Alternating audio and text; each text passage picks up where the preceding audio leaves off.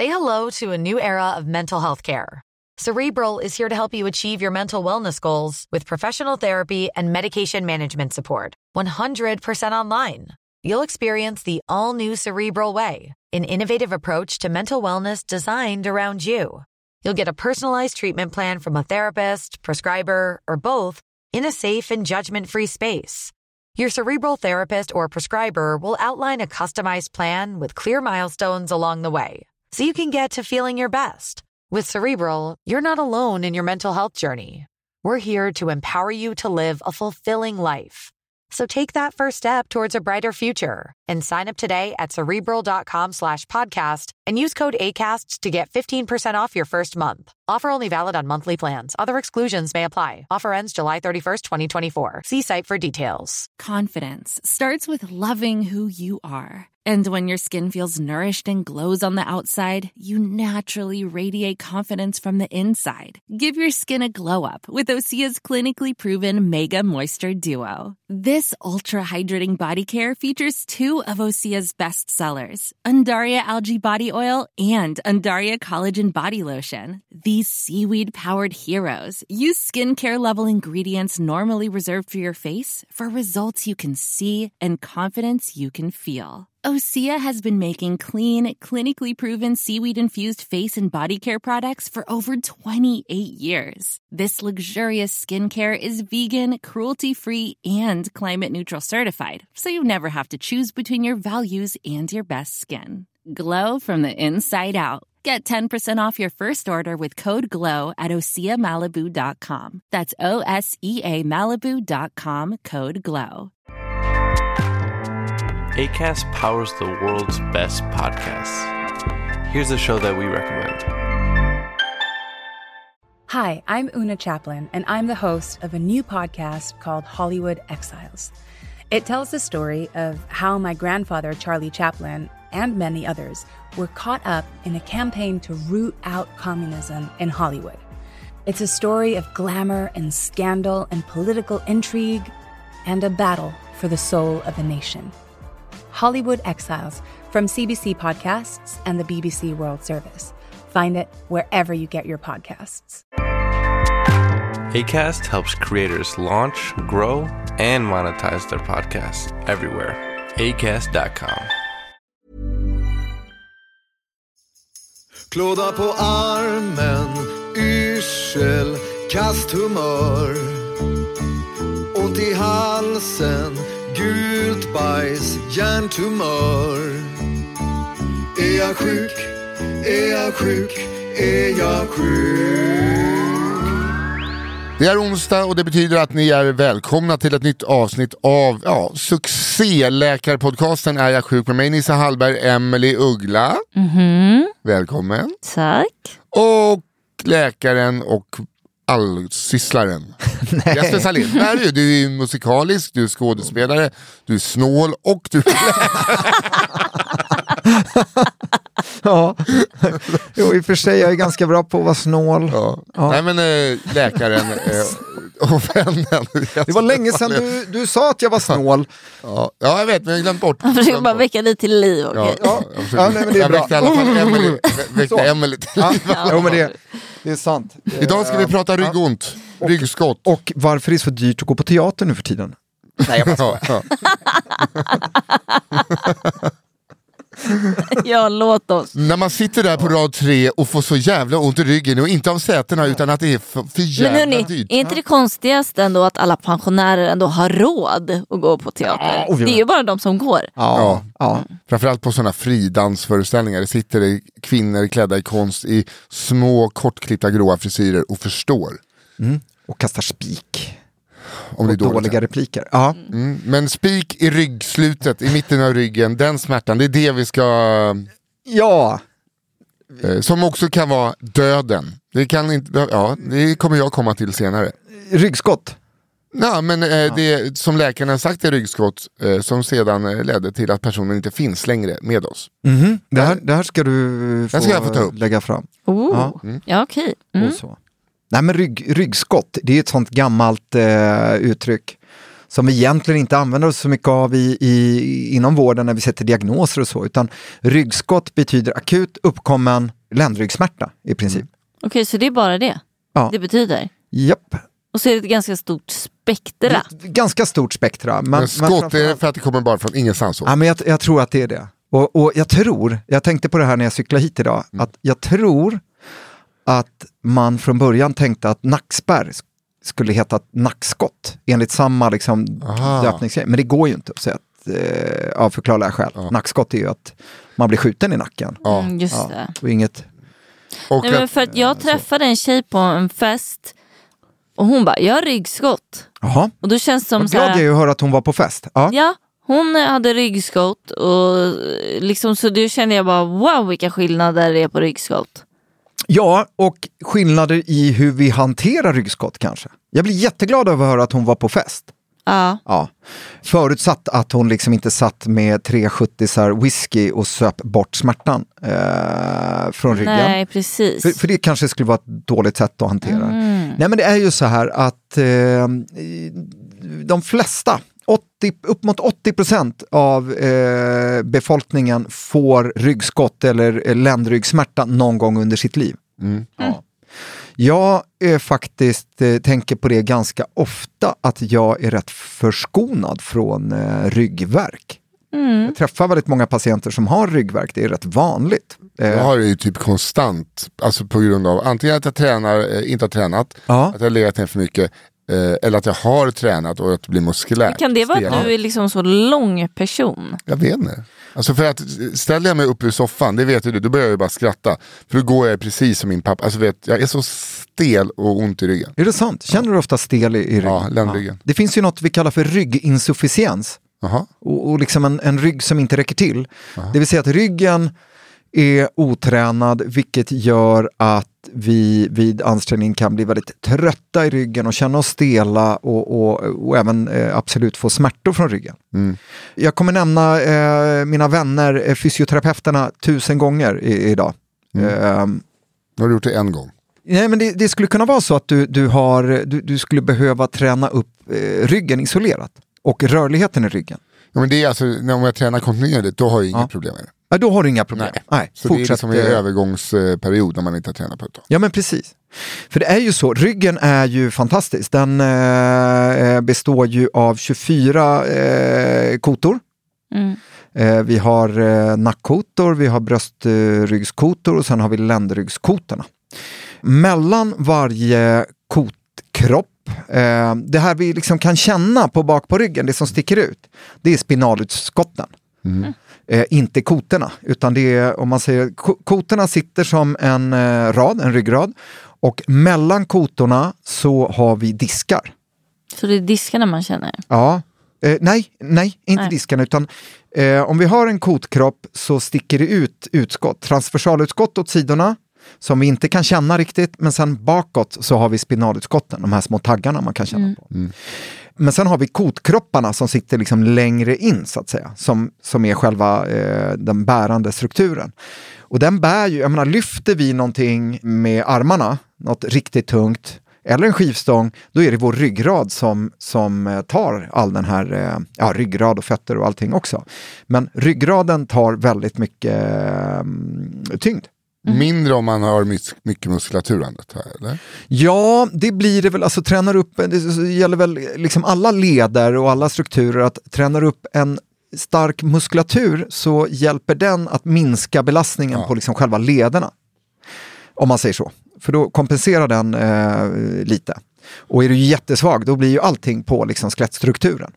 Men där har vi diskar i alla fall och sen har vi ligament på sidorna som gör att vi, liksom, om vi Eh, alltså ry ryggen kan vi röra åt alla håll. Vi kan vrida på den, så. Vi kan eh, deviera åt sidan. Har vi inte jättemycket rörlighet när vi liksom, Här är jag jättevig. ja, Jag Vad bra. ja åt Om ni undrar varför det låter jättekonstigt eh, när de eh, pr- eh, pratar nu, det är för att de eh, böjer sig från sidan från micken. Ja, precis. Jag ska börja med sidan och ta med micken så Nej, här det åt den här inte. sidan. Nej, men exakt. Eh, men sen fram så har vi ju en eh, väldigt god rörlighet. Vi kan ofta... Eh, liksom... Har vi verkligen det? Ja, nej, men det- det där är mer tveksam. Ja. Nej, jag, har, jag, har, jag är väldigt stel. Eh, och Men väldigt det kommer väl tillbaka till. Alor och en massa andra saker va? Det, precis, hamstrings och sådana saker. Men det, och det är någonting jag verkligen skulle behöva träna upp faktiskt. Men jag och Nisse har ju börjat på yoga nu så. Ja men bra för er, för det är faktiskt så här att stretcha och bli mjuk i kroppen och träna, eh, stretcha ut de där hamstringsen i mitt fall eh, förebygger eh, ryggverk. Ja. Risken att insjukna i ryggverk eller att, att få ett Good. ryggskott så att säga. Ja. Nej men ryggen är fantastisk i alla fall och självklart så eh, finns det så många strukturer, muskler, ligament eh, och diskar som faktiskt kan göra att det gör ont. Vi kan även få artros i, eh, inte i själva eh, leden mellan, alltså där vi har diskarna, men i, i så här, facettlederna som är via de här transversal, de här utskotten som går ut på sidorna. Där finns det leder liksom till närmaste ner och upp eh, kota och spinalutskott och där kan vi få artros med, med åldern och, och åldersförslitningar. Vi kan även få eh, med eh, ålder så kan vi få sänkt diskhöjd, att diskarna blir lite uttorkade. Ja. Ja. Man behöver fukt. Ja, och det går liksom inte att fukta dem där eller smörja Ja. in dem. Utan, Det är väl också därför eh, just diskarna, som stridspilot får du bara skjuta ut det tre gånger ur katapult för diskarna. Det blir en huvudfoting till slut. Är det sant? Ja, du trycks ihop. Du blir kortare för varje utskjutning. Ja, men det är sant. att det är sån eh, himla tryck. dem. Ja, men, ja, det blir en sån acceleration. Undrar hur det är med rymdraketer och sånt? Men Om man- artros, Ja. det liksom förknippar jag mer till knäna. Ja, men artros eh, kan faktiskt eh, bildas eller komma fram i alla leder som finns. Till och med i käkleden. Det är sant. Ja. Så att artros, eh, men däremot kanske det vanligaste i, i knän och höfter. Då. Och, så. Mm, och, okej. och vanligast att man opererar och, och liksom, ja, husets svin kan man säga Mm. när det gäller artros. Men du kan även få artros i ryggen. Ehm, eh, så att det finns mycket som kan göra ont och med ryggskott så menar vi ju det här liksom akut ja, skottaktiga insjuknandet, att vi plötsligt så hugger det till i ländryggen och det gör hiskligt jädra ont. Mm. Och den här smärtan gör att vi absolut inte vill röra oss. Eh, Jag har ju varit med om det på gymmet. Ja. Och alltså när jag gymmade på Saga Motion, där många äldre. Åh, Saga Motion, Ja. där är jag uppväxt. Ja. Eh, Det är och, många. eh, Eller ja. ja, det är faktiskt många eh, södermänniskor som Jag brukar säga till. Nisse att det är bara typ, jag vet inte. Ja, ett kulturgym. ja kanske. Ja, häftigt, Eh. Björn och Benny. Ge mig handen. Ja. Björn och Benny. Pussa Sluta hålla på med springbrädan. Nej men då gjorde jag något sånt, jag hade väl inte varit på gymmet på ett tag. Nej. Kom igång med, gjorde så här kettlebellsvingar, fem stycken, 10 armhävningar, 15 Ja. ja. squats. Och så gör jag det på tid och så bara, var det väl 20 sekunder kvar, ja men då gör jag de här sista 15 air squatsen. Och på nummer 14 så bara är det som ett pistolskott. Pang! Ja. Och så, jag, blir liksom, jag kan inte röra mig därifrån. Jag Vad liksom händer blir- då? Nej, jag får liksom rulla, jag får ligga ner först och sen får jag liksom så rulla och alltså... Rullar hem. Nej, nej, inte rulla. nej men det, det tog verkligen tid att komma upp. Och då blir det så här, jag ska be någon om hjälp för att alla där som är där, om de försöker hjälpa mig så liksom, de en risk att få ett ryggskott själva. Som, för det är ganska mycket äldre som är där. Ja. Men jag har aldrig varit med om det innan, inte efter. Men det var ju liksom, nu förstod jag det filmiska ryggskottet. När man bara ser en, en Ja. sån. Ja. Jo, men det, där, det är det jag undrar med ryggskott. För att så kan det vara. Ja. Så kan det vara som tjejen som var på fest. Ja. Eller så kan det vara som när jag åkte hem till mina barns pappa mitt i natten och fick ringa ambulans. ja, För att han eh, hade han ryggskott? hade ryggskott Ja. och kunde liksom inte röra sig. Nej. liksom. Men vad är det som händer då? då? Nej men det är oftast eh, att det är på grund av rörelse, någon rörelse som gör att musklerna liksom krampar till. För vi har så mycket muskler kring den här ryggraden. Och där kan det då bli som en spasm. Jaha. Alltså någonting smärtar till och eh, musklerna reagerar på det och, och sen skapar den här krampen. Det är väl liksom det vanligaste ryggskottsorsaken. Eh, orsaken. sen kan vi också få diskbrock. Det vill säga att en disk, eh, ofta i, i ländryggen då, där, där det är en, en hög belastning, kan då eh, börja bukta ut. Alltså att, eh, ja, det är läskigt. Jag gillar inte saker som buktar ut. Nej, jag förstår. Nej, det känns ju fel. Nej, men det buktar in vilket gör att eh, alltså, den här disken som är uppbyggd av, av fibrer i olika riktningar och sen fyllt av liksom en gel kan man säga. På något sätt eh, så eh, börjar den bukta ut. Det blir en sp- spricka i den vilket gör att det buktar ut och då kan påverka nervrot vilket gör att du kan även få ut, smärtutstrålning i, i ett ben. Lumbago ischias, alltså ischiasnerven som går Ja. ut till, till eh, benet, utsida lår, Eh, eller baksida lår och utsida. Verkligen ben. känd från en klassisk film som heter Kådespelaren. Precis. De hänger socialister! Ja. eh, för att jag har, när jag höll på med klättring, ja, så det var inte att jag fick ischias, men det var någon, alltså att ischiasnerven, alltså något som kom i kläm trodde läkaren. ja, Eh, av eh, att jag liksom klättrade. ja, Och då, det, alltså, det var så jävla sjukt, alltså det var i vänsterbenet. Man kände verkligen att det var från röven, alltså Ja. rumpmuskeln, alltså det, där någonstans. För den sitter väl där i känslan? ja men precis, den sitter eh, innan, eller man säger den går ut in, innan, eh, vad ska man säga, Skinkorna. Eh, skinkorna Ja, exakt. kan man säga. Ja, det var så, det var liksom också att jag fick, fick känna på liksom, den här gubbgrejen man inte trodde liksom, äh, det där är väl bara på. Ja, Att jag fick liksom vara Stellan Skarsgård för en stund. ja, fick du hänga från taket? Ja. Ja. Nej, jag har faktiskt funderat väldigt mycket på vad den där doktorn gjorde i Kådespelaren. Alltså i efterhand då, eh, om man gör det nu riktigt. Eh, jag, har- jag har inte riktigt förstått vad pappan där eh, led av på riktigt. Men för att de, var de, diskbråck, eh, han var ju beroende av eh, morfin. ja, de, eh, de eh, hänger upp honom och så drog han ut benen. Ja, Så ni menar att eh, han som skrev den här boken, vad heter han nu igen? Roland Schytt, Nej. Kådespelaren. Ja. Ja, Roland Schytt. ja, varför trodde jag? Va? Vem trodde du hade skrivit Kådespelaren? Han, eh, den där andra. Han, ni vet. Jag är helt, nej okej förlåt. Alltså förlåt, det här klipper vi bort. Alltså jag är helt jävla dum i huvudet. Nej, det är du inte. Det, det är du absolut inte. Det ska vi absolut inte klippa bort. Jag tänkte på ondska nu. Jaha, Ah. jo. Men det var väl inte så konstigt att blanda ihop Nej, det var två skitfilmer. Nej. Verkligen. Sämsta. Eh, två filmer där Jesper är med i, det är inte jättekonstigt. nej. Jättekonstigt. Eh, Kan vi prata om minne i något avsnitt sen så? ja, det. Det ska vi verkligen göra. Men, eh, för att eh, just det här med eh, att det är runt ländryggs...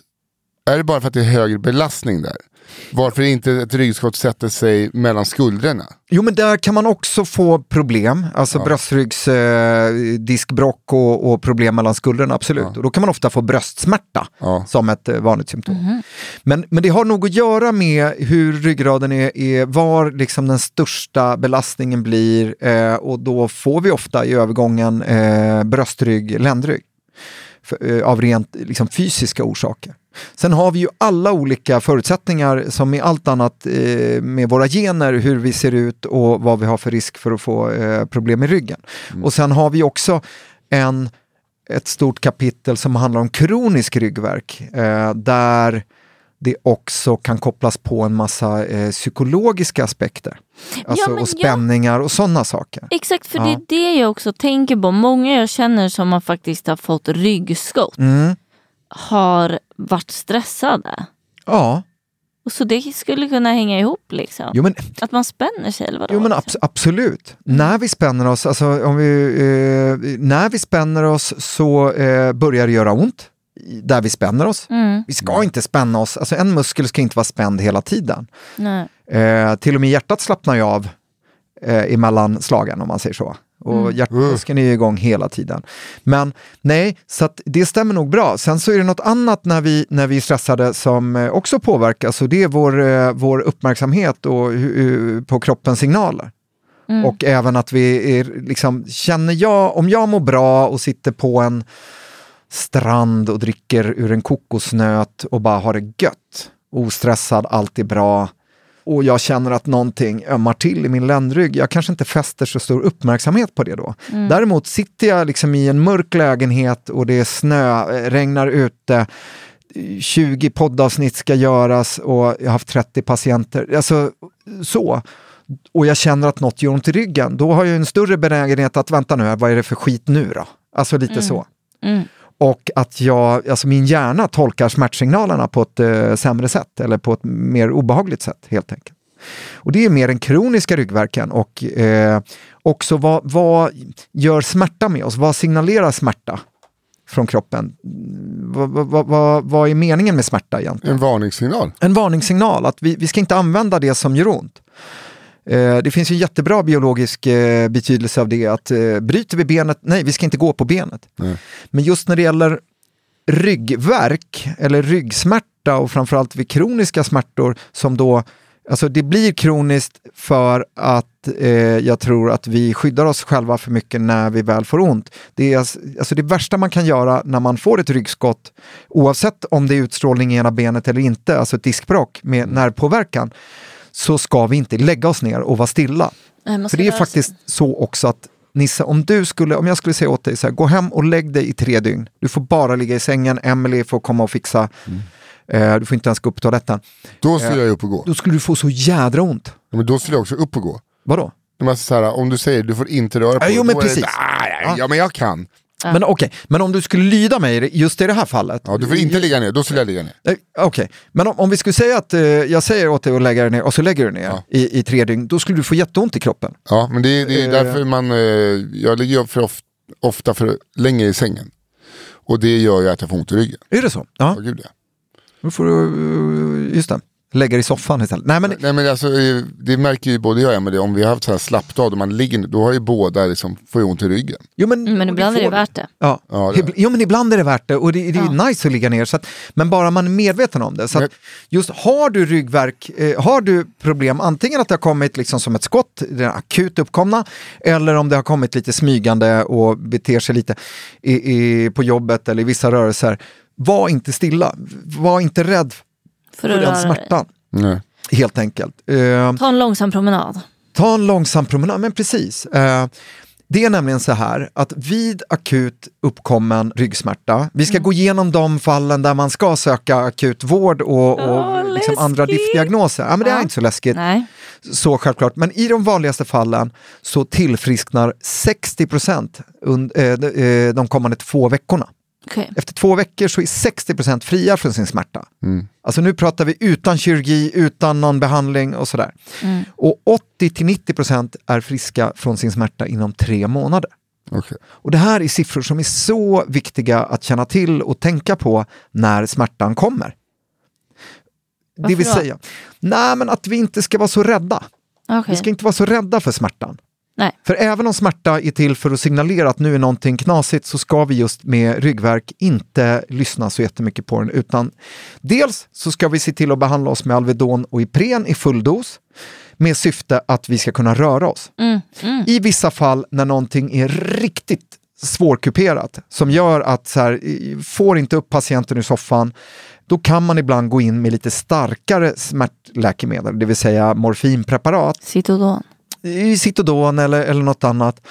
Eh, just bara, alltså under en väldigt kort tid, bara för att bryta den här akuta smärtan så att patienten kan komma upp och röra sig.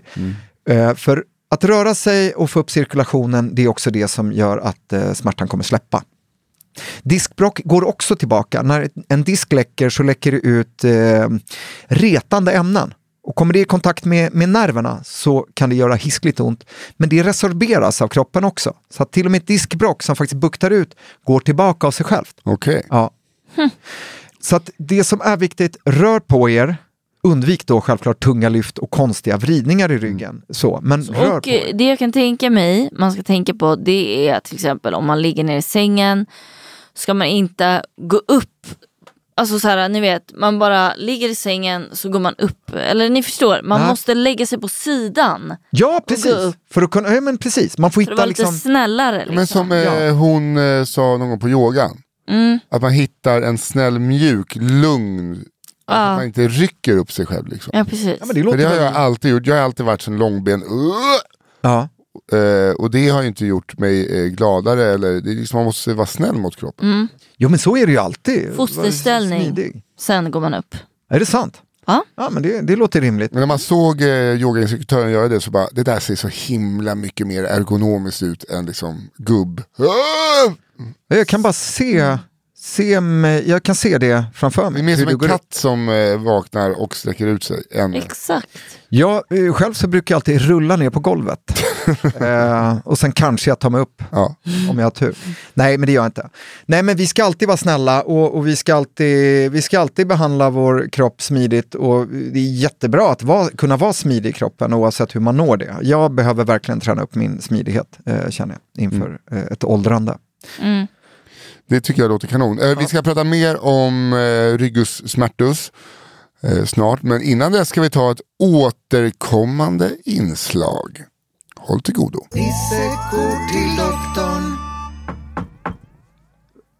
Ja, Hallå! in. Hej! Hej, hej, hej, hej. Hej, hej. Hör du, jag har ett problem med min käke. i- ja. Mm. Det är så här, ibland är det som att eh, den är på väg att låsa sig när jag eh, gäspar eller tuggar något. Alltså när den är som mest öppen. ja. Eh, och jag vet, eh, jag har en podcast Mm. eh, där folk skickar in roliga historier. Och där har vi fått fler historier där käken, när har, folk har spytt, typ, Mm. att den låser sig, att de inte kan stänga munnen. Ja. Och ibland när jag öppnar munnen, så alltså det kraschar till av brosk så att det liksom sprängs i huvudet. ja. Och gör väldigt ont.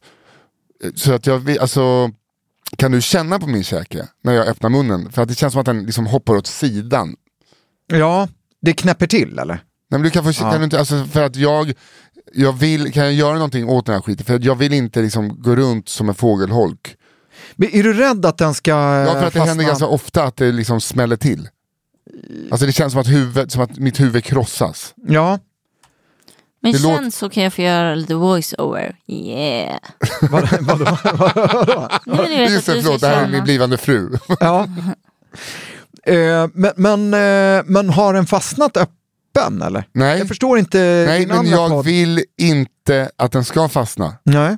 Och, men det, alltså det kraschar till väldigt ofta. Tänk dig att du, när du tar äggskal vid någons öron, som inte är beredd på det, så känns det som att huvudet imploderar. Så känns det när jag öppnar munnen. Jag förstår. Det låter som att du har lite käkledsinflammation. Jaha, Eh, konstant då eller?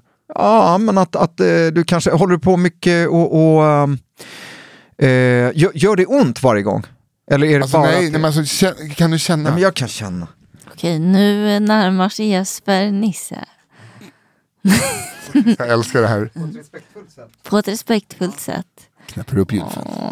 Nisse tar av sig hörlurarna.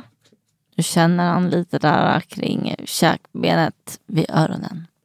Ja, Han säger ja. Alltså, jag tycker att det är obehagligt att öppna munnen så här mycket. ja men jag förstår. Jesper säger att han förstår. så ofta att du liksom... Nej, men alltså, du känner på vänster sida Jo, så jag- jag knäpper du. Ja, men det, det gör det. Alltså, Gör det så på dig? det på, på höger sida också. Ja, fast jag. det känns ju som att min haka åker ner till höger. Alltså, det är men som det att den hoppar hoppar ur led. Känns som. Ja, och, och det gör den inte. Alltså käk, käk, käkleden kan ju hoppa ur led. Ja. Det är faktiskt, eh, när jag jobbade på akuten, har aldrig gjort det innan, ingen visste hur man gjorde, var det en, en eh, kvinna som kom med käken i led. Hon, kunde- hon skrattade, liksom, för Hon kunde inte stänga. stänga. Exakt. Panik. Eh, och då eh, kollade jag snabbt upp hur man liksom sätter den på led igen. Oh. Gav, hon fick lite muskelavslappnande och sånt där. Och det gick bra. Men, men eh, jag tror mer att du har en, eh, du behöver, du, du ska inte gapa, alltså du ska inte göra så som du gjorde nu allt för ofta. För att du und, underhåller liksom en, en, jag tror en liten inflammation i käkleden. Är du med? men Det, för det gör inte ont. Det gör, alltså, det gör, gör inte ont. Nej. Men ibland är det som att mitt huvud kraschar sönder. Jag förstår, när du gör som du gjorde Ja, om jag precis gäspar nu. till exempel. Ja, För jag kan inte, alltså gäspar så måste jag ju, måste du det? och då kan det vara liksom som att eh, ja, man river ett hus på vänster sida. Ja. Ja, men måste du öppna så Men vadå, mycket? men, men alltså, då, om jag inte får öppna munnen då begränsar det mitt liv. Ja, men måste jag du... gå runt så här? Vadå? Nej. Jag måste få öppna munnen. Jo, fast... Så, Du är ju så, som en hyresvärd som bara, du det är kallt. Jo men du har ingen jacka på dig inne. Jo men älskling, frågan är om du öppnar munnen så mycket för att du vill känna, för att du är orolig. Jag jag gäspar. Nej bara i min vardag. Ja. Vad fan är det här läkaren? nej, nej, men, nej, men det, det, alltså, så här, det som, som du gjorde nu när du visade mig, Ja.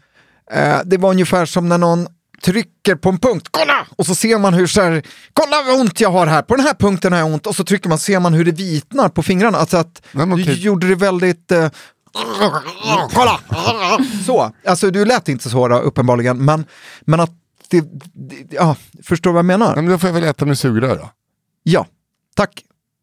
Hej då. Hej då. Nej, vad ska jag? Nej. Det men jag tycker att det här med- med, så här, om, jag, om du säger så här, ja, men då får du inte öppna munnen så mycket. Därför det här begränsar min vardag. Jag är livrädd att skiten ska hoppa i led, eller för att det gör ju ont om jag öppnar munnen mer än så här. Ja, men jag förstår, men, men det gör ju inte så ont. när du gullig. öppnar. Men det, alltså, det, det känns ju, det är ju inte extremt. det klickar till och grejer. Ja, det är obehagligt varje gång jag öppnar munnen mer än så. Ja, jag förstår. Men, men och vad ska jag säga? Alltså, Söv ner mig, fixa det. Det är så jag känner. Kan jag Ja, göra men- något åt det? ja, men, gnisslar du tänder Ingen när du aning. sover? Jag somnar alltid efter Emily typ. Ja.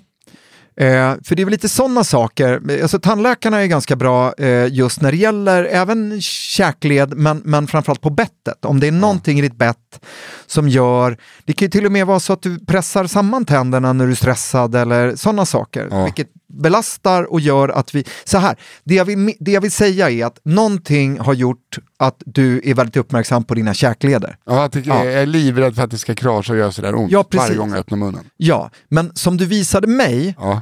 så öppnar du inte munnen Jo, om jag gäspar. Du är så gullig. Ja, men, det, ja, men du, du är gullig. Får jag den där skylten? Nej, vad ska eh, Nej, men... ehm, Det är så dålig stämning.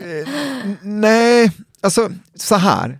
Har du, känner du att du har symptom kopplade till dina käkleder? Ja. Eh, ja, det är därför jag är här. jo, men jag, jag vet, jag vet.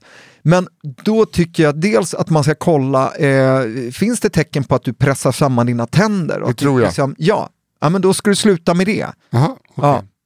Och det, det, det hjälper liksom ingen operation, då kan man inte operera dina käkleder utan då måste man titta på dels, gör du det här, pressar du samman dina tänder när du är stressad, när du är vaken eller även på nätterna? Jag, är konstant lite, jag vill konstant bita ihop mina eh, tänder Mm. för att det är, känns som att eh, alltså det kommer släppa en spänning jag har i tandköttet. För att jag antagligen ligger och pressar ihop tänderna hela tiden. När, när du sover? Ingen aning, jag Nej. sover då. Men då skulle jag faktiskt här, för det, dels, ja Nils, du ska kunna gäspa med öppen mun. Ja, Det ska tack. ingen ta ifrån dig, det är en mänsklig rättighet att öppna. Men inte så mycket. Inte så med öppen. Nej, men, och vad jag menar är, när, när, du visar, förstår du vad jag menar med Nej. och jämförelsen med när man trycker på något? Nej, nej, okej. nej, nej. Nej. Ehm, Nej, men okej. Nisse är så jävla hård patient. Det är Nej, sån men då- jag aldrig vågar vara. Nej men det är därför jag... Eh, eh, det är inte helt ovanligt. Och jag, jag, jag förstår Nej, men jag undrar bara så här, ja, men då får jag väl komma till dig när det liksom, eh, den har låst sig. Då, men ge kommer inte låsa sig, utan jag tänker så här, du behöver ta reda på lite, eh, eller lite, ta reda på om du gnisslar tänder när du sover. Men, det, För det skulle faktiskt kunna, nej men, eh, men alltså, då gå får till väl- tandläkaren. men Emily kan ju kolla också om jag somnar innan om jag gnisslar tänder. Jo men ska ni, Emily är din tjej, ni ska Ja. cozy cozy time och sen ska ni sova gott. Ja? Vad är det Mm. konstigaste jag någonsin har sagt? Nej men jag bara du tycker bara, cozy cozy, vad är det? Jag vet inte om jag liksom sitter och tar en cigg med receptionisten när de är inne och släkar. Okej. Jag skojar bara. Nej, nej, men det, nej men det är okej, men jag har jag andra tar- patienter som liksom Nej men då tar jag det med tandläkaren då. Jo men Ja. ta det med tandläkaren, för är det så att eh, du gnisslar tänder, då ska de skena på nätterna så kommer nog dina spänningar och dina upplevelser kring käkleden gå Ja. över. Ja men det är Det är jättebra. det jag menar. Eh, Och tills dess, alltså, så gäspa inte som bli så Det kommer bli skitgulligt älskling. Både du och jag bara hånglar med våra små skenor i munnen. hon har också bettskena, det kommer inte bli något Ja. cozy då. Nej men vad sjutton. ja, men vad bra, Ja. tack, så, eh, tack för, tack för ringen. Och vet ni vad? Det, vet du vad Nis? Det, det är så det är ganska ofta i Ja. mitt jobb. Tack att, så, för här, tack för ingenting. Mm. Ja, hej då, då, hej då. Så är det inte mitt eh, jobb. Nej. Det lever levereras. Ja, nej men eh, tack då. Nu eh, vi hörs. Hey, I'm Ryan Reynolds. At Mint Mobile, we like to do the opposite of what Big Wireless does. They charge you a lot, we charge you a little. So naturally, when they announced they'd be raising their prices due to inflation, we decided to deflate our prices due to not hating you. That's right. We're cutting the price of Mint Unlimited from $30 a month to just $15 a month. Give it a try at mintmobile.com slash switch. $45 upfront for three months plus taxes and fees. Promo rate for new customers for limited time. Unlimited more than 40 gigabytes per month. Slows. Full terms at mintmobile.com.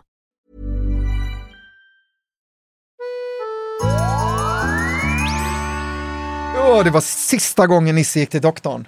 Till den här doktorn i alla fall. Ja, men jag kommer att prata så här ungefär i kommande avsnitt, för man får inte öppna munnen längre. Ja, det är som Handmaid's Tale, vi får ju bara nita ihop käften på mig. Om, om, ja, ja. Nej älskling. Jag kommer drömma om när du visar Alltså- dina symptom. Jag önskar att ni eh, skulle få se hur Emily och eh, Anders, jag Jesper, jag vet inte vad vi, Emily och Jesper eh, tittade på mig när jag, eh, för att jag, jag känner att jag blev lite provocerad. Och jag önskar att ni skulle få se Nisse, hur han tittade mig i ögonen när han gapade. För det var liksom med 50% panik och 50% gör något. Ja, Så. ja men så, eh, Eh, men men eh, ja, ja, Det är bra, du står upp för dig själv. ja, men nej, men det är jättebra. Men det är också så här, jag känner ingenting, Men jag känner att liksom jag får en galosshaka varje gång jag öppnar. Det är liksom att eh, eh, käken är utanför ansiktet. En Ja. sackkäke får jag när jag öppnar munnen. Ja, nej, men det är, Det om det. Ja, det nu om det, går vi ja. vidare med eh, ryggbesvär, ryggskott, eh, ländryggsmärtor, kanske också bröstsmärtor i vissa fall. ja, nej, men om man har problem med bröstryggen så, så kan det ofta eh, simulera eh, bröstsmärta. Och då syftar vi inte till överviktiga män som har ett par pattar på ryggen, utan alltså själva muskulaturen. Hatta på, Ja, eh, men Att man är lite överviktig på ryggen. Så. ja, nej, nej. Bröstrygg tänkte jag. Ja, nu fattar jag.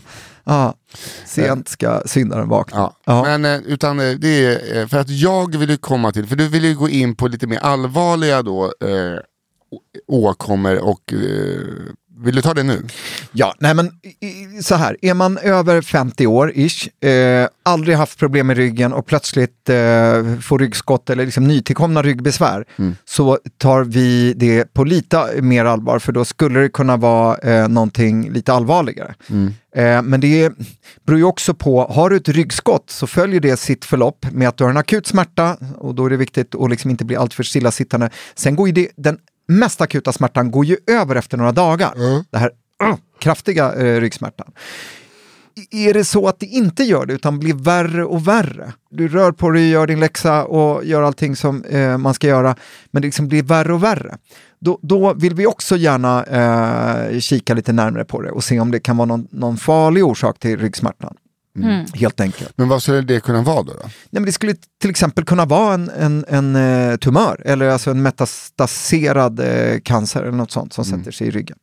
Det brukar väl kanske inte riktigt te sig som ett ryggskott men det är ändå någonting vi ska tänka på. Ja. Sen så finns det en vanligt missförstånd som, eh, eller missförstånd, men en vanlig argumentation som jag måste ge mig in i det är när någon kommer och har fått ont i ryggen och vill ha en magnetkameraundersökning beställd akut i princip. Och vill ni veta hur man får det så kan ni kontakta mig.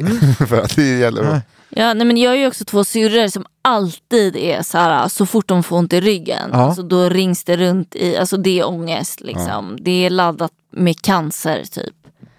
Är det så? Ja. Ja, Och det behövs, det, det, så ska det inte vara. Nej. Man får ju ont i ryggen av ont i ryggen också. Alltså så. Utan det är mer för oss läkare att vi, eh, och vi som tar hand om folk som kommer med ont i ryggen att vi ska tänka några extra varv. Om en herre som är 75 år eh, kanske har hittat blod i urinen och sen plötsligt får ont i ryggen. Då ska vi ju inte bara säga att det här är ett ryggskott. Eh, utan då kanske vi ska ta ett PSA-prov som vi pratade om i förra avsnittet och tänka mer prostata helt enkelt. Men vadå Eh, kan det vara kopplat till olika typer av cancer? Ont i ryggen? Ja, alltså det finns så här. ehm, när det gäller primärtumörer eh, så finns det till exempel... Och vad är det? Alltså en, en, en cancers eh, liksom ursprung, Epicentret. epicentret. ja, nej, men, menar, nej, men, eh, Där den börjar? Ja, Ja. det finns lite, eh, alltså cancrar kan metastasera, sprida sig på lite olika sätt. Och då har vi till exempel prostatacancer som är en, den sprider sig till skelettet när den sprider sig, om man säger så, oftast. Så. så det finns lite cancrar och, och vissa lungcancrar kan sprida sig bak mot skelettet också. Så att man, man kan ju, hittar man något som är metastasmisstänkt på en röntgen så kan man ju eh, ofta tänka att ah, men då borde det vara från det här organet som ofta sprider sig till, till liksom skelettet helt enkelt. Jag vet, det här är Ja, här får ni att fram om ni tycker att det är jobbigt. Ja. Det är, Men, men det här är ju någonting som vi ska tänka på och det gör vi inte på en, en 40-åring som kommer in och har fått ryggskott och haft det för fem år sedan eller liksom haft lite problem med ryggen. Då behöver vi inte tänka på det. Och sen är det ju som vi alltid har pratat om att har du en spridd cancer, ja då är ju inte bara ryggont liksom, eh, det enda symptomet oftast. Det måste vi komma ihåg. Ja. Eh. Men här vill jag säga höja ett varningens finger och någonting som eh, har gjort mig arg. Mm. Att min kompis i 27 års ålder hade extremt ont i ryggen. Mm. Går till läkare flera gånger, får Voltaren, Voltaren, Voltaren. Mm. Det är en sträckning, det är en sträckning. Ingenting mer. Och han är liksom jätteont. Mm. Sen är han med om en olycka där han cyklar och någon öppnar en bildörr. Ja. Då gör de en röntgen. Då har han en stor tumör över ryggen. Mm. Och han är inte med oss idag. Nej, Mm. vad tråkigt. Ja, det är ju fruktansvärt. Eh, så att jag blev så jävla arg av det här. Mm. Alltså, eh, alltså det kan ju varit en dålig läkare eller så är det bara en jävla otur. Eh, så här, det kanske redan hade gått för långt eh, eftersom att smärtan var så, alltså det vet man inte. Nej. Men just det här, det här Voltaren, eh, alltså det, är bara, det har etsat sig fast. Jag förstår det. Och så här, Att han bara liksom kunde, han hade så ont. Eh, och sen bara blev nonchad kände, eh, kände man ju då i efterhand. Eftersom att han var ju dödligt sjuk. Ja. Mm. Nej, men och det, det där är så jädra tråkigt att höras. Ja. Och, och det är ju svårt att säga vad som blev fel, men det kan Men det nog känns vara... ofta som att det har med åldern att göra. För jag känner också, eller känner men så en bekant också, var, känn, gick till läkaren jätte, jätte ofta Mm. och sen eh, de bara, här liksom ta lite penicillin typ och så blev hon sjuk. Ja, Eller så dog han det menar kan nog tyvärr. finnas Ja, olika, men jag håller med att en ålder gör ju att jag slappnar av mer Mm. generellt med en patient, som, som jag precis sa, att om någon är 40 år och får ett ryggskott och haft det innan, så tänker inte jag eh, metastaser eller farlig sjukdom det första jag gör. Och det är jättesvårt att säga hur din väns allvarliga sjukdom missades, Mm. men jag tror att det som... Det, ja, nu utsvep. Eh, det som, eh, jag, jag är snart specialist i allmänmedicin och, och liksom husläkare kommer jag liksom kunna vara, familjeläkare. Mm. Det som saknas väldigt mycket och det som jag vet att regeringen, man försöker liksom få till det här, det är ju kontinuitet. Att man ska ha en och samma doktor. Om man eh, tycker att den doktorn är bra såklart. Man ska inte tvingas vara med någon som är jättedålig eller dryg. Och anledningen till att det är så viktigt med kontinuitet, det är att om jag träffar någon, 25-åring eller 27-åring, som har jätteont i ryggen, jag bedömer det utan röntgen och så som ett ryggskott, skickar hem, patienten kommer tillbaka till mig om en vecka och har fortfarande lika ont eller ont, mer ont, då ska inte jag säga ah, men ta lite mer Voltaren eller gör så, för då följer ju inte det ryggskottets Nej. vanliga eh, förlopp Mm. helt enkelt. Mm. Och det är det som är viktigt att följer, alltså är det någonting som sticker ut, det är beräknat att, eller liksom det är förväntat att du har jätteont i ryggen i två dagar eller tre dagar eller ja, give or take, Mm. men sen ska det bli bättre. Och blir det inte det, då måste vi kanske aktualisera och göra någon utredning eller tänka fler varv runt. Då kan vi inte säga att det bara är ett ryggskott. Nej. Och där är det viktigt att har jag träffat en patient innan, då, sitter det i, då, då har jag en kännedom om patienten. Och jag vet att, äh, men vänta nu, du har ju mer ont nu än vad du hade för två veckor sedan när vi sågs första gången. Det är något som inte stämmer. Däremot så är, kan problemet vara, och det är dels lite skuld på patienter generellt, att man, man vill ha en tid så snabbt så att man tar liksom, man byter vårdcentral för att få en tid om en timme istället för att vänta till i övermorgon. Alltså lite så, nu raljerar jag lite. Men vikten av att ha en och samma läkare just för sådana saker är, är jätteviktigt. Och där måste vi hjälpas åt. Både vi läkare, att vi tar på oss det förtroendet och verkligen eh, främjar kontinuiteten, men också att patienter faktiskt eh, håller sig till en och samma vårdcentral och läkare. Om, om det inte är något som är helt galet. Det tror jag är jätteviktigt, för annars om min patient eh, efter två veckor som då har ännu mer ont i ryggen kommer till en närakut, då är de så här, oj oj oj, ja, nu är patienten rädd för att det gör så himla ont, men de har liksom inte riktigt koll på att det gjorde lika ont hos mig för två veckor sedan. Nej. Och det där är en jätteviktig fråga. Eh, sen av, är det avgörande för vår arbetsmiljö också, för jag tror stress, arbetsmiljö gör att vi ibland kan välja att tolka en patients symptom som, ah, men det är ett ryggskott, gå hem. Liksom. För en annan vän Mhm. Som eh, återigen rygg, ryggen Mm. var på vårdcentral. Mm. Eh, har jätteont i ryggen. Och läkaren säger Andreas, ibland eh, måste en man vara en man och bita ihop. Ja, fick Voltaren. Ja. Gick till en annan läkare, kotförskjutning, behövde stelopereras. Mm. Precis. Eh, Det är där ibland, alltså, för jag, eh, ibland, alltså jag, jag älskar dig som läkare, du, du tycker om ditt jobb och tar det, men det känns som, det finns så många trötta, bara stämpla in, stämpla ut, få lön och så här, för att liksom bara, ta han, eh, så här, gå hem, bit ihop. mm. Han fick ju, behövde opereras ganska omgående. Jo men precis, det är ett, alltså, ett jävla eh, sätt Mm. att säga så. Ja. Eh, och, och, och så. Sen ska jag ju säga att jag, jag, menar, jag är läkare eh, nu med den här podden, jag anstränger mig också eh, och det är väldigt lätt att vara den här bra läkaren i det här sammanhanget så att säga. Jag har mina dagar när jag är trött, men jag skulle fan aldrig, alltså är trött och trött på mitt jobb och känner att jag vill aldrig jobba med det här igen. Men jag skulle fan aldrig säga så. Du är man, dels blanda in kö- äh, men du vet, det är så många skit. Jo, jag bara menar så här, Ja. men bara det här att inte ta någon smärta på allvar. Precis, alltså grejen är att i det vanligaste med ländryggssmärtor och sånt, eh, d- där handlar det ju om att, det, det, och det tror jag många gör, och den här läkaren gjorde ju definitivt inte det, men att, att vi måste validera, att också titta någon i ögonen och säga jag förstår att det är jobbigt för dig. Jag förstår att det gör jätte, jätteont. Som med Nisse och hans Käke. käke. Ja. Ja, ja. Nej, men, nej, men, nej, men, Älskar det. för, för jag tror att ibland kan vi hamna snett. Eh, för jag vet att eh, kommer du in med ett akut ryggskott, det, det är inte så mycket att göra förutom att eh, kanske uppa din smärtmedicinering så att du liksom kan röra dig eh, hyggligt de kommande dagarna så att din ryggsmärta kan gå över och att du går till en fysioterapeut.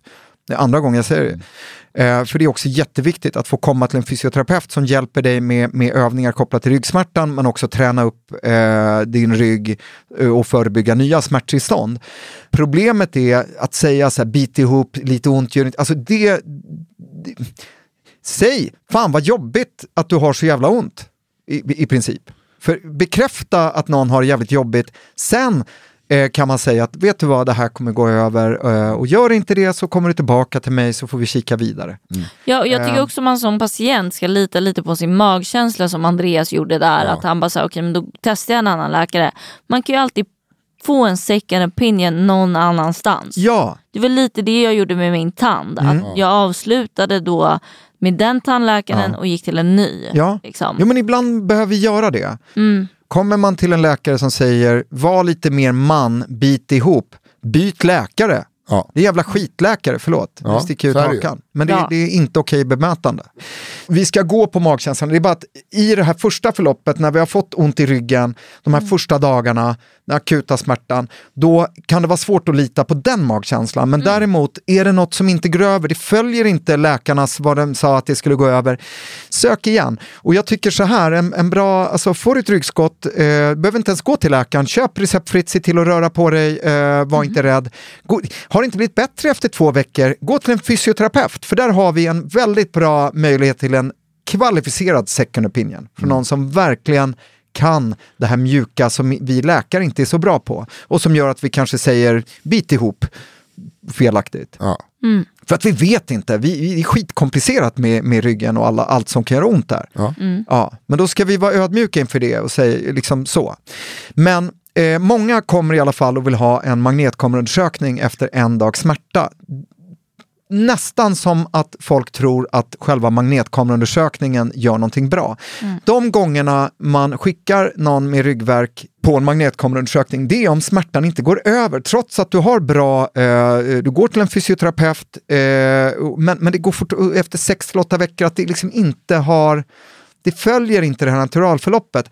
Då skickar man ofta patienten på en magnetkameraundersökning, men det är för att skicka sen till en ortoped, en ryggortoped, för att operera eller inte.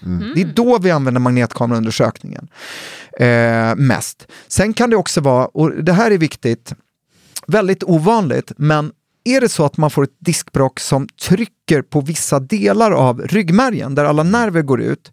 Jag menar rygg, ryggraden skyddar ju liksom ryggmärgen. Det är en viktig, eh, i, i, en viktig funktion. Men där kan det bli så att eh, eh, det finns något som heter cauda equina, alltså hästsvanssyndromet.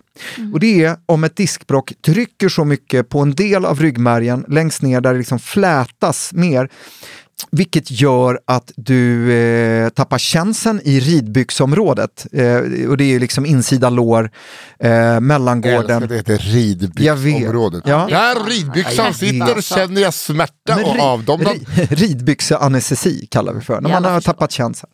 Så jag frågar alltid när någon kommer in med, med ryggverk, frågar jag alltid, har du normal känsel på snoppen eller eh, vulvan?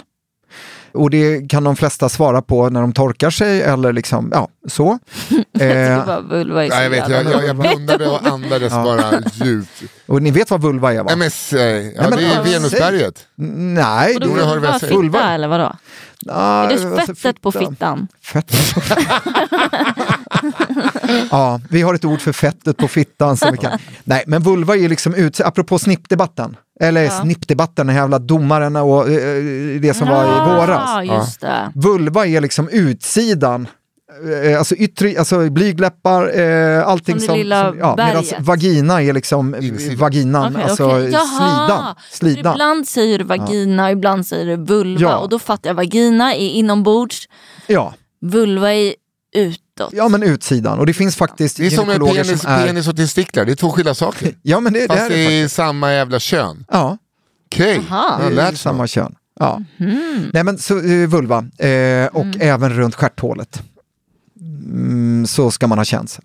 Ja, okej, okay. jag trodde ja. att du kallade stjärthålet för vulvan. nej, nej, jag kallar, nej, nej. Men grejen, nu, har du sagt, aldrig... nu har du sagt ordet vulva mer än du sagt, fysioterapeut. Ja, då säger jag fysioterapeut, fysioterapeut, fysioterapeut. lite. Jag ska faktiskt gå till en nej. fysioterapeut nu, jag vill bara säga det. Ja, vad bra.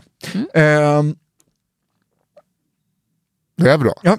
Jo, men det är jättebra. Uh, ja, då får ehm. vi se också om det blir bra. Nej, men har du nervpåverkan som påverkar känseln i ridbyxområdet, yttre genitalia, eh, perianalt, då eh, ska man faktiskt söka sig akut. Och om du har svårt att kissa, sätta igång och kissa i kombination. Det kan göra ont att gå på toaletten när du har ett ryggskott.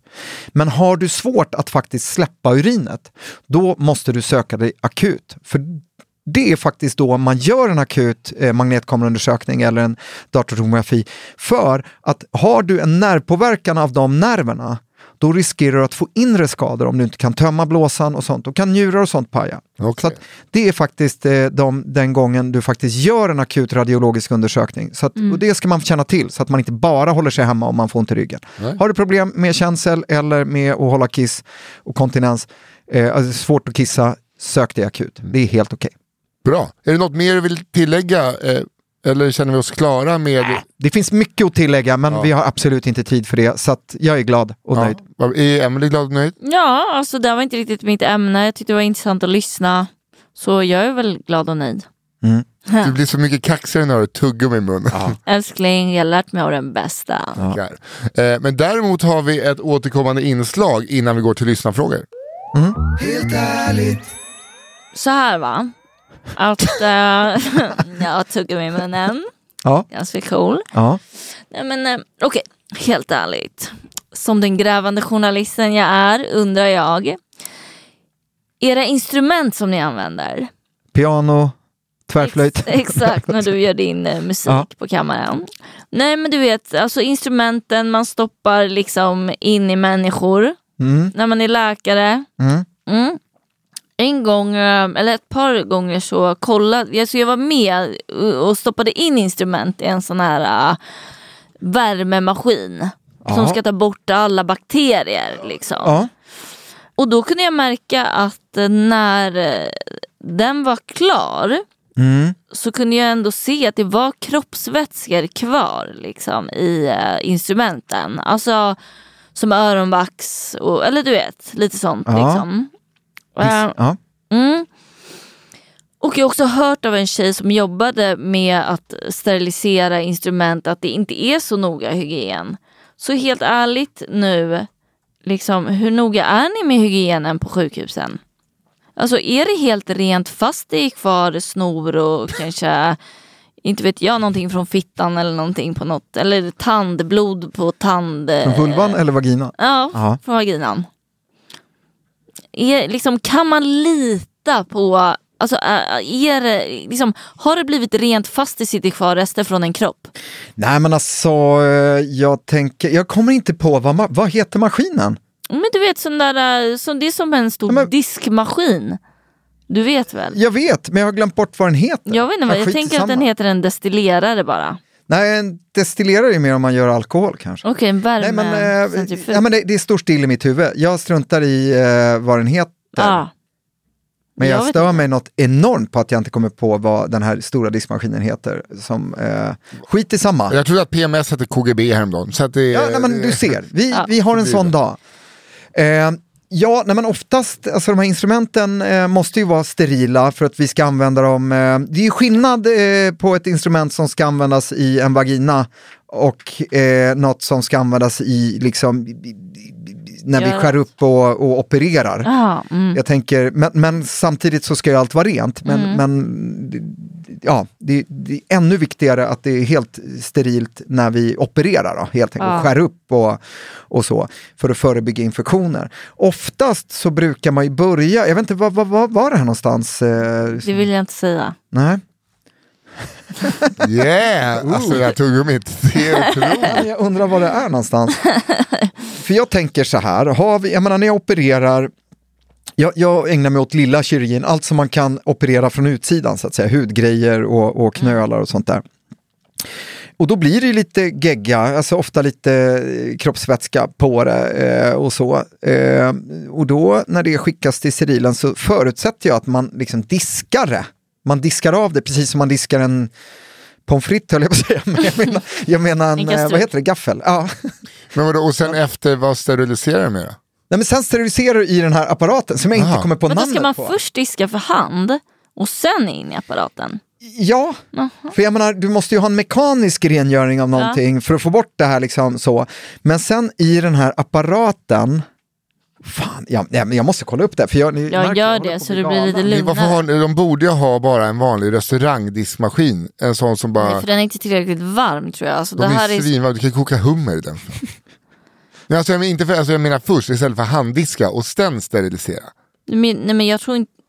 Ja, jag Alltså- visste inte att man skulle handdiska Jo, det. men alltså, du, Klav, klav, fan en klav, klav, öh, ja fan, vänta, autoklav! Åh! Yay! Nu kan du andas ut. Ser du vad glad han blir? Ja, jag är glad och avslappnad. Nej men autoklav, tack. Alltså gud vad jobbigt det är när sådana Mm. Grejer. Autoklaven. Autoklaven är ju en, en maskin som, eh, som blir väldigt varm för att sterilisera bort alla liksom, partiklar som vi inte ser. Alltså virus, eller bakterier framförallt. Och så. Mm. Så Eh, allt som- blir ju rent allt blir värmen. rent. Men jag tror liksom att sitter det vax och grejer kvar, då, då är det, alltså man mm, diskar ju mekaniskt först för att få bort Mm. det du ser. Men, eh, och, och sen ska det ju vara sterilt och sen ska det också förpackas sterilt och, och liksom lufttätt och, och allt sånt där. Så att vi sen kan öppna upp det eh, när vi ska använda det. Jaha, för vet Vad vad jag... Nej men jag bara trodde att det var engångsförpackningar. Allt som Ja, är men då i behöver du packet. Nej men vissa saker slänger vi. Mm. Eh, och är engångs. Men, men inte allt. De bästa instrumenten är absolut inte engångsinstrument. Det, det är de som vi skickar på sterilisering. Ja. Men så jag vet inte riktigt, det låter, däremot så, alltså viss, om vi tänker så här, saker vi använder när vi tittar i öronen, Mm. som det då kan komma öronvax på, där är ju inte kravet på att det ska vara sterilt jättemycket. Nej. Det ska vara rent. Mm, det och ska vara fräscht. dött. Ja. Liksom. Ja, men inte, ja. för att det är viktigt, när du gör en gastroskopi och en rektoskopi så är det ju samma kamera. Ja, För jag har till och med sett, eh, eh, jag har till och med sett där, att de har sökt folk, Västerås sjukhus, ja. för eh, eh, rengöring av gastro samt rektokameror. Ja men det är olika. Alltså ett rektoskop är, är ju någonting eh, hårt och rakt. Eh, Medan ett, alltså ett koloskop eller ett endoskop som du använder till koloskopi till exempel. Ja. Det är ju mycket, mycket längre än ett gastroskop. Om man Okej. säger så. så att det är olika. Eh, Så när hon ja. som gjorde en, eh, typ, eh, var uppe i röven och rota innan jag gjorde en gastro, då, hade vi inte, då tolkade de inte bara av kameran lite. Nej, Det gör de inte. Men det gör de däremot på, ni vet man kan göra eh, såhär, ta bort hår med laser. Mm. Det är ju så små maskiner. Ja. Eh, så att liksom kunden innan mig, han kanske har tagit bort, då har man haft den här lilla maskinen i hans röv. Va? Ja. ja, och sen kommer jag till exempel och vi säger att jag ska ta bort lite hår på hakan. Ja. Då har jag samma apparat liksom, som han haft i rumpan i mitt ansikte. ja, du ser. Det är fin att lida pin. Eller vad, det, Ja. vad, vad heter det? Det är fint. Man får lida vad pin. fint får Ja. man lida pin. Ja. Eh, är du nöjd med ditt svar? Ja, jag bara liksom ville kolla läget. Det Ja, känns men jag gillade det Kolla. Och alltså tuggummi tillförde Ja. så himla mycket. faktiskt. Ja, jag kände mig lite Lite rädd. ställd mot väggen. Ja. Eh, Då har vi bara en sak kvar innan vi tackar för den här veckan och det är att vi tar ett gäng lyssnarfrågor. Mm. Här kommer första frågan, en ljudfråga. Hej och tack för en jättebra podd. Fråga. Kan man spräcka ett blodkärl i hjärnan när man nyser? Har hört det, men vet inte om det kan vara sant. I så fall vore det ju sjukt farligt att nysa. Hej då! Ja, Det är en fråga som jag också vill ha svar på tack. ja. Ehm, allt är möjligt, men eh, är man frisk, och, eller frisk, har man eh, normal kärluppsättning i eh, huvudet, alltså att kärlen ser ut som de ska, så ska du inte kunna spräcka ett kärl i hjärnan eh, när du nyser, för då skulle alla ha hjärnblödning. Ja, men om man håller in den som folk säger, det är farligt att hålla tillbaka en nysning. För att det blir sånt tryck. Ja, alltså det blir mer tryck i luftvägarna. Ja. Eh, alltså, och, och kring bakom näsan om du Ja. kväver en nysning. Jag, jag tycker alltid att man ska nysa ut, så att säga, Ja. eh, ordentligt. För att det finns en risk med att hålla inne den. Mer för att det, det, det, det, det ska ut. Alltså Ja. du, du kämpar inte emot en, eh, en reflex vi har Nej. som, som fyller en funktion. Det är bara onödigt. Det finns liksom ingen, ingen vinst med att hålla inne den. Ja, kanske att man, på- ja, att man inte vill störa eller... Ja, Jo, men så, så, såklart, såklart. Men ny, nys, i, liksom, nys i en kudde eller i, i eh, kläderna istället. Så svaret på frågan är att du kommer inte spräcka några blodkärl i huvudet av att nysa. Däremot kan man ju spräcka, det är inte helt ovanligt att, eh, att man ser eh, hyposvagma, alltså där, när man spräcker ett litet kärl i ögonvitan, Ja. kan man säga. Eh, Det hade ju min pappa när han hade covid senast. Han Ja. var ju liksom av att hosta så mycket. Så. Precis. Eh, det är helt ofarligt men ser väldigt läskigt ut. Lagom till halloween att eh, Ja. nysa sig till. Så. Nej, men sen finns det ju eh, tillstånd i hjärnan om man till exempel har ett aneurysm eller något liknande, alltså en kärlutbuktning som då kan eh, gå sönder i samband med ansträngning. Det är alltså kryst eller liksom när vi lyfter något tungt eller så.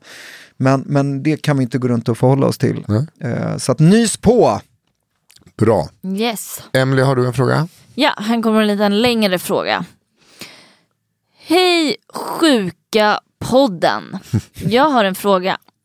När jag var liten tonåring hatade jag att röra på mig och jag hade jättedålig kondition. När jag var kanske 25 började jag springa och konditionsträna och har hållit på med det i flera år nu.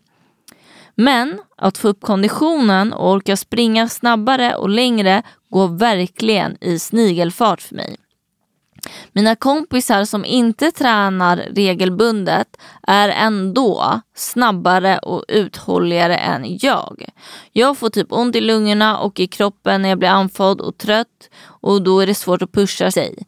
Jag har funderat på om jag har astma men då brukar man väl ha svårt att få luft. Det har jag inte men det känns som att det syre jag andas in inte räcker till när jag tränar. Mm. Kan den träning eller brist på träning man gjorde som barn och ungdom spela roll hela livet? Får jag betala nu för att jag var en lat liten unge? Eller har jag bara haft genetisk otur? Tack för en bra och rolig podd. Gud vad jag Vilken kan... eh, jädra bra fråga. Ja, det där kan jag relatera till så himla mycket. Mm. Alltså, ah, vet, vänner, de behöver inte göra någonting, men de, de var liksom så aktiva och hade små sexpack när de var små.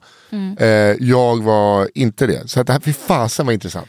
Ja, alltså bra fråga. Ehm, det är klart att tränar du mycket som barn och ungdom och kanske håller på med någon sport och är de där peppiga i, under gymnastiklektionen, för de har man ju sett. Mm. Jag, jag var verkligen inte en sån. Jag hatade, jag sprang Lilla Lidingöloppet, vad fan var det, en kilometer? Men ändå. Nej, nej men alltså, eh, jag, jag höll alltså blodsmak i munnen och du vet, alltid så.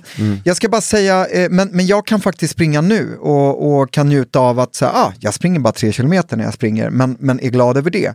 Får inte blodsmak i munnen. Jag tror att mycket, det som de här eh, som tränade när de var små har, det är liksom en känsla av hur, hur mycket kan man anstränga sig, hur mycket ska man anstränga sig Alltså den nivån. När anstränger man sig för mycket?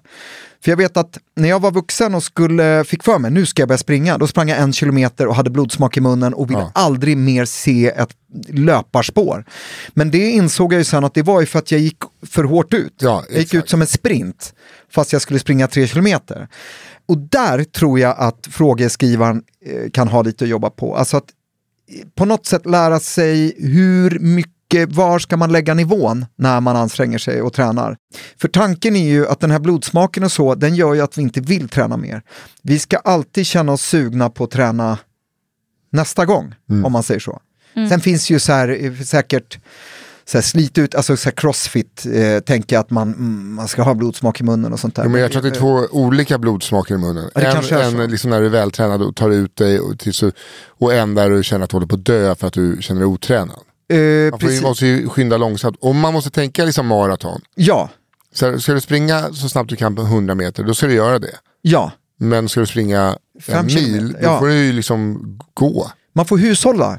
Och, Börja med att gå en mil och se om du pallar det. Ja men såklart, verkligen. Och, och liksom steg för steg. Men, men nej, det är inte kört, alltså det, det, det är ing, nej. Det finns inte så att det är kört för att eh, man inte tränar som liten. Det hade varit jättetråkigt om det var så. Man är bara lite, hon frågar ju det också om det har med eh, genetik, Gener. ge, ja, precis att göra. Jo men och gener spelar ju alltid in, men, men jag tror att eh, ta det bara i ett makligt tempo. Eh, för det kan, vara, det kan nog vara svårt om man känner nu måste jag träna i kapp för att jag var så lat eller eh, inaktiv när jag var yngre. Så funkar det inte, utan till exempel jag, när jag började springa, eh, och nu springer jag inte så mycket, nu låter jag eh, så, men, men när jag började det sent i livet och förstod att fan vad viktigt det är och, och vad bra jag mår i hjärnan av att, att eh, löpa lite. Då tog jag hjälp av en app, alltså så här Runkeeper, för att höra, för att hela tiden få en feedback i så här snabbt springer du nu. Så till slut så kunde jag känna att okej, nu är jag så här trött, jag känner de här symptomen eh, just nu och jag springer så här snabbt. Om jag ska klara att springa fem kilometer då måste jag sakta ner lite. Alltså att man får liksom en, en, eh, en känsla för hur mycket man gör. För att sen kunna se eh, att eh, ha, ja, men kunna hålla ut det man har bestämt att man ska göra. Men det där är liksom, man måste eh, känna in det lite. Och det Och en sen kanske inte heller jämföra sig med andra. Liksom. Nej, Aldrig jämföra sig med andra, för att jag menar, eh, Tävla Nej. mot dig själv. tävla mot dig själv, eh, precis. Sen det här med att få ont i lungorna, det, det, det, det är inte lungorna som gör ont, utan jag tror att det kan nog vara spänningar från bröstkorgen. För att tycker man att något är jobbigt och man är lite o, o, liksom o, ovan vid någonting eh, så, så spänner man sig på ställen där man inte behöver spänna sig, bland annat i, i bröstmuskulaturen, vilket gör att man kan få ont över bröstbenet till exempel. Jag fick nackspärr varje gång jag sprang först, för då ins jag insåg sen i efterhand att jag sprang är liksom med jag. armarna och axlarna. Ja, men just det. Så att eh, ta det lugnt, ta det i din takt, jämför inte och det är absolut inte för sent eh, för att du har varit eh, lite inaktiv när du var yngre. Bra, Ja, vad skönt. Det känns för mig också. ja, Då ska jag gå och träna lugnt och sansat idag. ja. Hörru, det var det eh, vi hade för den här veckan. Glöm inte att skicka in era frågor till fraga.ariasjuk.se eller ariasjuk på Instagram. Börja följa oss där eh, så ser vi era frågor lättare. Tack Emelie Uggla. Tack. Eh, och tack Tuggummi Emelie Uggla. Tack. En ny eh, person att bekanta sig med. Tack Jesper Salén. Tack Daniel Aldermark på One Touch Edit. Jag heter Nissa Hallberg och vi hörs igen nästa onsdag. Hej då. Hej då! Hej. Hej.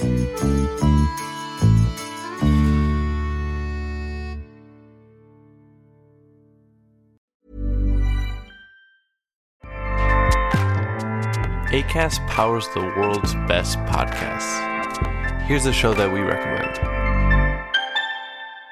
Hi, I'm Una Chaplin, and I'm the host of a new podcast called Hollywood Exiles. It tells the story of how my grandfather, Charlie Chaplin, and many others were caught up in a campaign to root out communism in Hollywood. It's a story of glamour and scandal and political intrigue and a battle for the soul of a nation. Hollywood Exiles from CBC Podcasts and the BBC World Service. Find it wherever you get your podcasts. ACAST helps creators launch, grow, and monetize their podcasts everywhere. ACAST.com.